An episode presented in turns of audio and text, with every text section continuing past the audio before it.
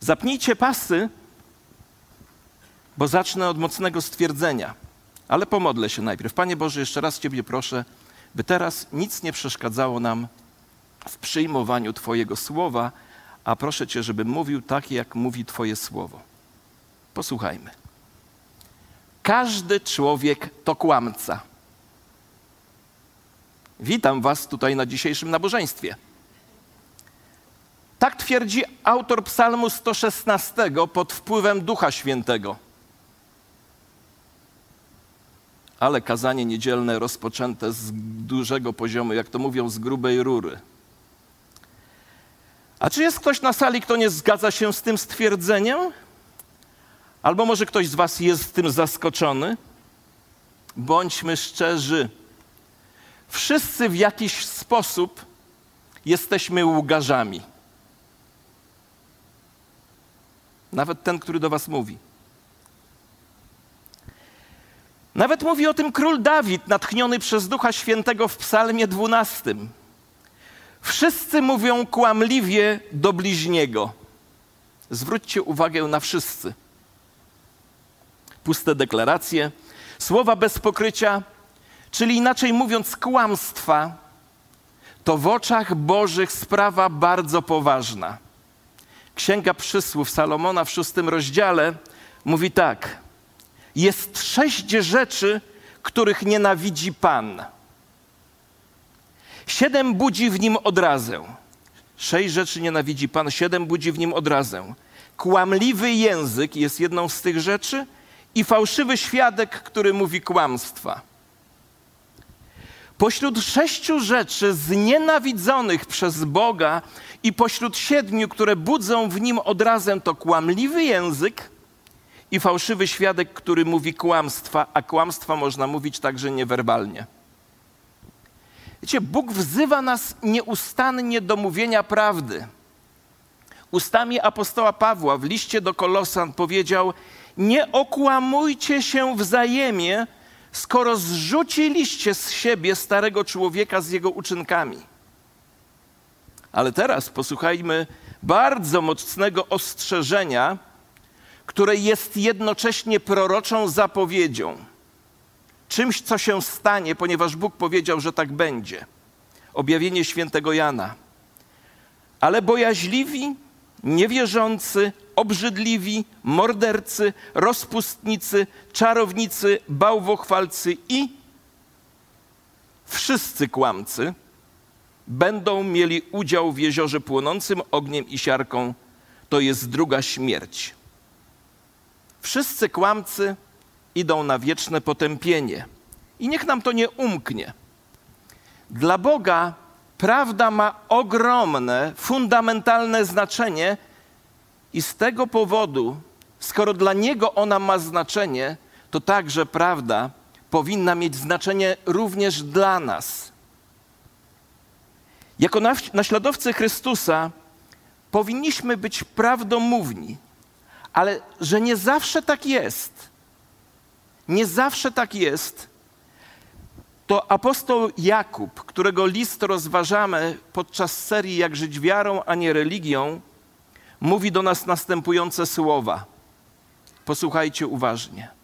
A przede wszystkim, a przede wszystkim, moi bracia, nie przysięgajcie ani na niebo, ani na ziemię, ani nie składajcie żadnej innej przysięgi. Lecz niech wasze tak, będzie tak, a nie niech będzie nie, abyście nie byli sądzeni. Ten werset to coś więcej niż zakaz przysięgania. Mam nawet przekonanie, że zakaz przysięgania nie jest głównym tematem tego wiersza. Moim zdaniem ten werset to głęboka lekcja szczerej rozmowy i lekcja usuwania z życia pustych, bez pokrycia deklaracji. Dlatego dzisiejszy odcinek serii zatytułowałem Uważaj na puste deklaracje. Inaczej mówiąc, żyj tak, by ludzie nie wymagali od ciebie przysięgania na potwierdzenie Twoich słów.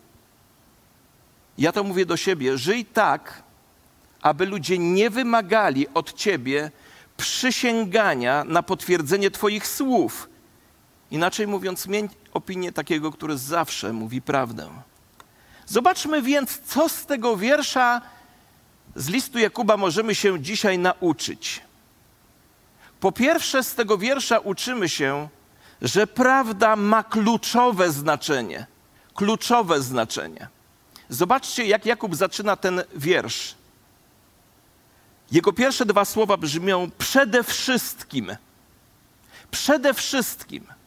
Wiecie, wypowiedział te słowa po tym, jak skierował do nas około 50 poleceń. My już jesteśmy po pochyleniu się nad 50 poleceniami płynącymi z listu Jakuba. Jakub już wydał 50 poleceń, a potem po tych poleceniach mówi, a przede wszystkim jest rzecz, jedna rzecz jest najbardziej istotna. Ponad tymi wszystkimi ważnymi poleceniami jest jedna rzecz, która jest najbardziej istotna, a jest nią prawda. Dlaczego to takie ważne? Posłuchajcie tego uważnie. Duszpasterze, psycholodzy, terapeuci, duchowi doradcy wiedzą, że można pomóc każdemu, kto zmaga się z jakąś słabością, uzależnieniem czy grzechem, o ile ten człowiek mówi prawdę. Nie można pomóc kłamcy. Nie można pomóc człowiekowi, który żyje w zaprzeczeniu. Bez szczerej mowy nie można ufać niczemu, co taki człowiek mówi. Po pierwsze, prawda ma kolosalne znaczenie, a po drugie, apostoł Jakub mówi, że prawda ma znaczenie ze względu na nasze duchowe pochodzenie. Świadczą, świadczy o tym jedno słowo, bardzo ciekawe. Przede wszystkim bracia. Świadczy o tym słowo bracia. To słowo bracia dokładnie w greckim języku mogłoby być przetłumaczone jako na urodzeni z jednego łona. Jesteśmy braćmi, jesteśmy rodziną, jesteśmy ze sobą związani pokrewieństwem, dlatego że wyszliśmy z jednego łona. Odnosi się to również do sfery duchowej. Apostoł Paweł o tym mówi. Dlatego, odrzuciwszy kłamstwo, niech każdy mówi prawdę swojemu bliźniemu, bo jesteśmy członkami jedni drugich. W Bożej rodzinie wszyscy wywodzimy się z tego samego, absolutnie z tego samego duchowego łona. I bardzo mocno też o tym mówi list do Hebrajczyków. Posłuchajcie. Zarówno bowiem ten, który uświęca, czyli Jezus, jak i uświęceni, czyli my, z jednego są wszyscy, czyli z Boga. Z tego powodu nie wstydzi się Jezus nazywać ich, czyli nas, braćmi. A w Ewangelii Jana w 14 rozdziale słyszymy bardzo znane słowa. Jezus powiedział o sobie: Ja jestem prawdą. A też dodaje: Ja po to się narodziłem i po to przyszedłem na świat, aby dać świadectwo prawdzie. Każdy, kto jest z prawdy, dodaje Jezus, słucha mojego głosu. Jeśli twierdzisz, że podążasz za Jezusem, który jest prawdą, to czy nie powinieneś mówić prawdy? Ktoś wyraził to takim stwierdzeniem. W świecie pełnym kłamstwa chrześcijanie powinni mówić prawdę, bo to jest moralna konsekwencja użycia słowa bracia.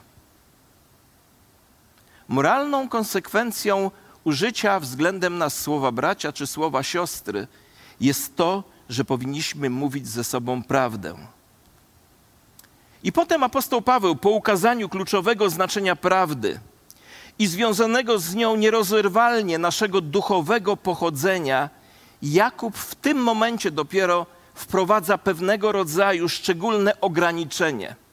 A te szczególne ograniczenie brzmi tak: nie przysięgajcie ani na niebo, ani na ziemię, ani na cokolwiek innego. Nie przysięgajcie. Jakub mówi tu o składaniu przysięgi w sensie gwarantowania prawdziwości czegoś. I niewątpliwie odnosi się tutaj do Księgi Kapłańskiej, do 19 rozdziału, gdzie znajduje się bardzo surowe ostrzeżenie. Nie będziecie przysięgać fałszywie na moje imię i nie będziecie bezcześcić imienia swego Boga, ja jestem Pan. Przykładem z polskiego podwórka jest nasze jak Boga kocham.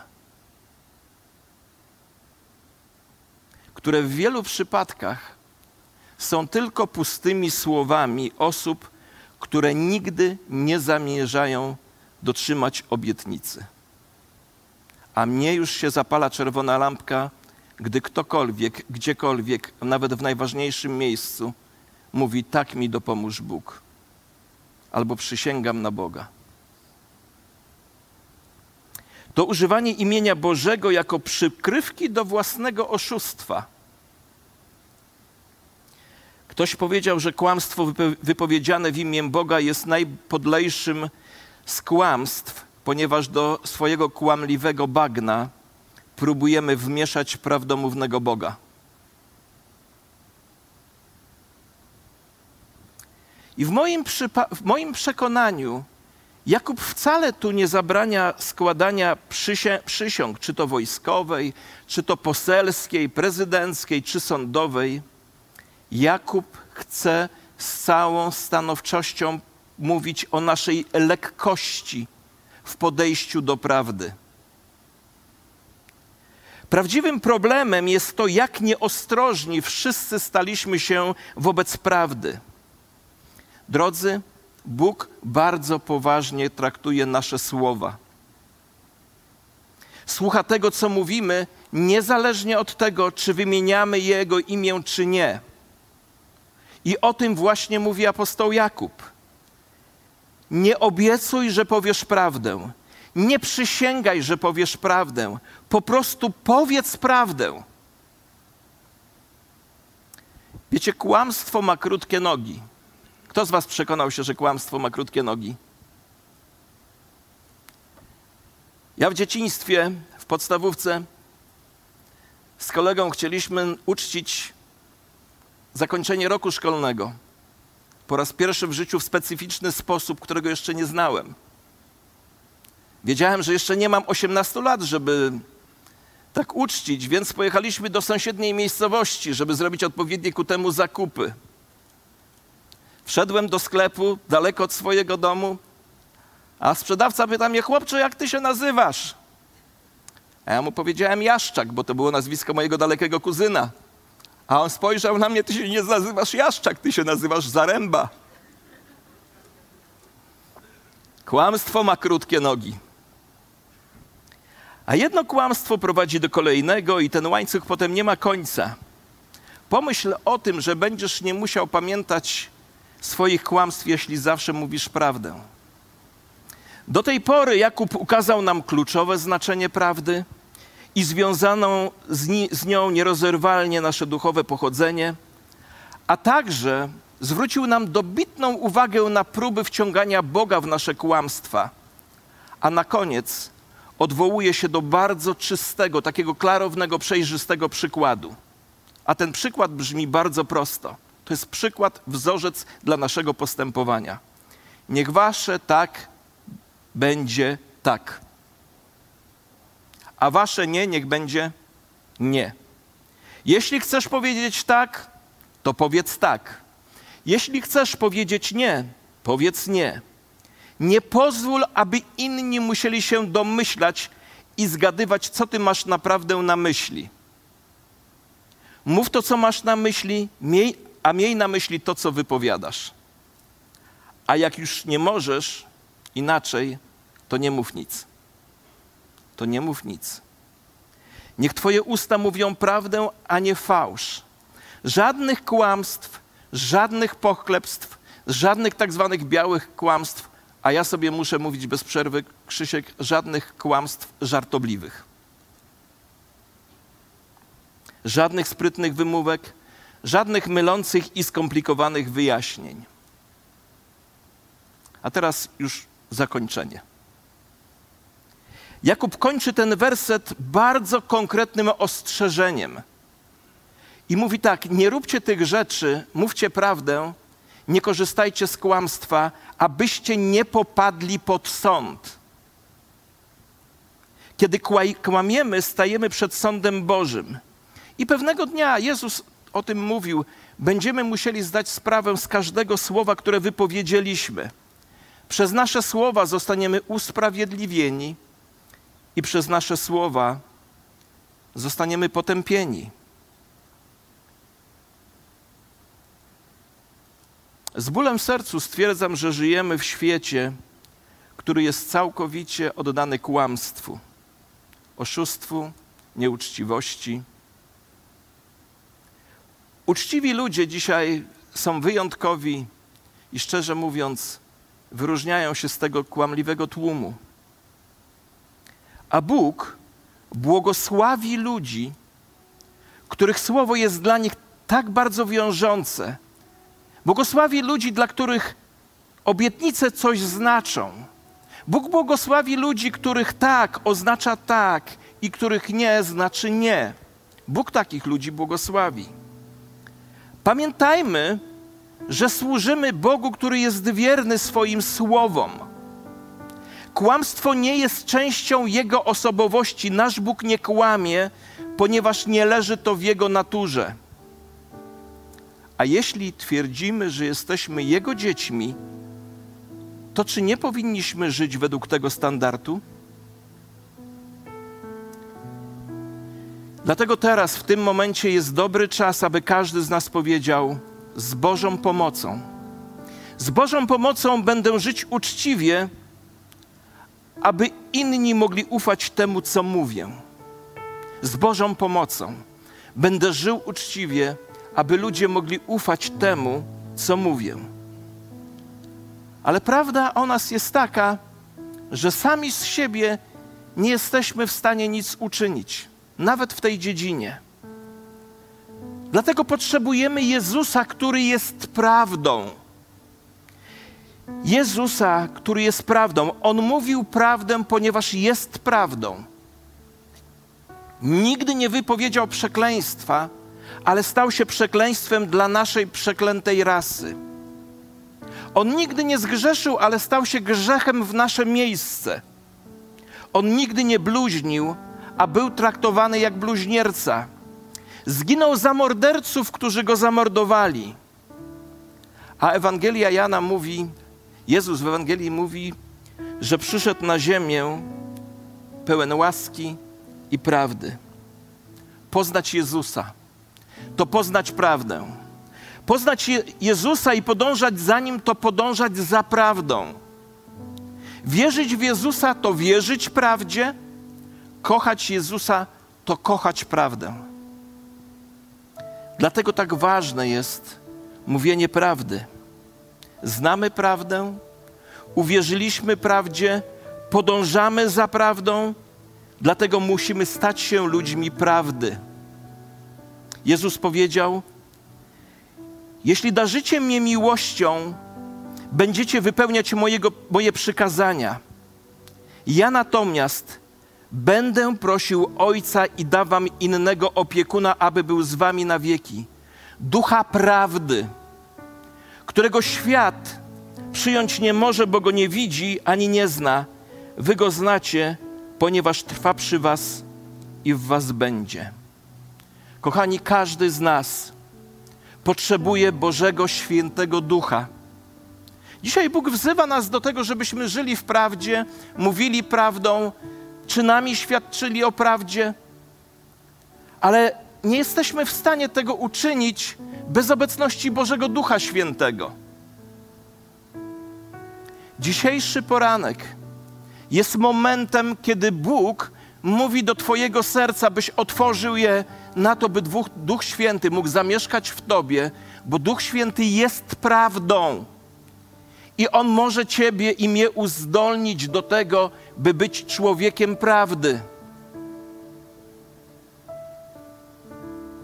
Gdy przyjdzie On, Duch Prawdy, posłuchajcie, wprowadzi Was we wszelką prawdę, ponieważ nie będzie mówił sam od siebie, lecz powie o wszystkim, co usłyszy i powiadomi Was o tym, co ma nadejść. On mnie uwielbi, gdyż z mego weźmie i wam przekaże. Dzisiejszy temat prawdy musi nas doprowadzić do Chrystusa, który jest prawdą i do doświadczenia zamieszkania Ducha Świętego w nas, który jest duchem prawdy, uzdolnieniem do życia w prawdzie. I to jest ten moment, w którym możesz zawołać z miejsca, w którym jesteś, właśnie do Niego. Czy wiecie, że w kontekście Ducha Świętego Jezus obiecał, że Bóg zawsze nam daje Ducha Świętego, kiedy go o Niego prosimy? O ileż bardziej, powiedział Jezus, Ojciec Niebiański da Ducha Świętego tym, którzy Go proszą. Inaczej mówiąc, jeśli zdajesz sobie sprawę, że Twoje życie jest słabym życiem, że nie jesteś w stanie żyć w prawdzie, to trzeba się do tego przyznać i przyjść z otwartym sercem do Pana Boga i powiedzieć: Boże, potrzebuję, by Twój Duch Święty zamieszkał we mnie. A Bóg nie odmawia swojego Ducha Świętego. On wylewa swojego Ducha Świętego bez miary. I dzisiaj jest dzień dla Ciebie i dla mnie, w którym Bóg chce, pragnie wypełnić Ciebie Duchem Świętym, bo chce mieć człowieka prawdy.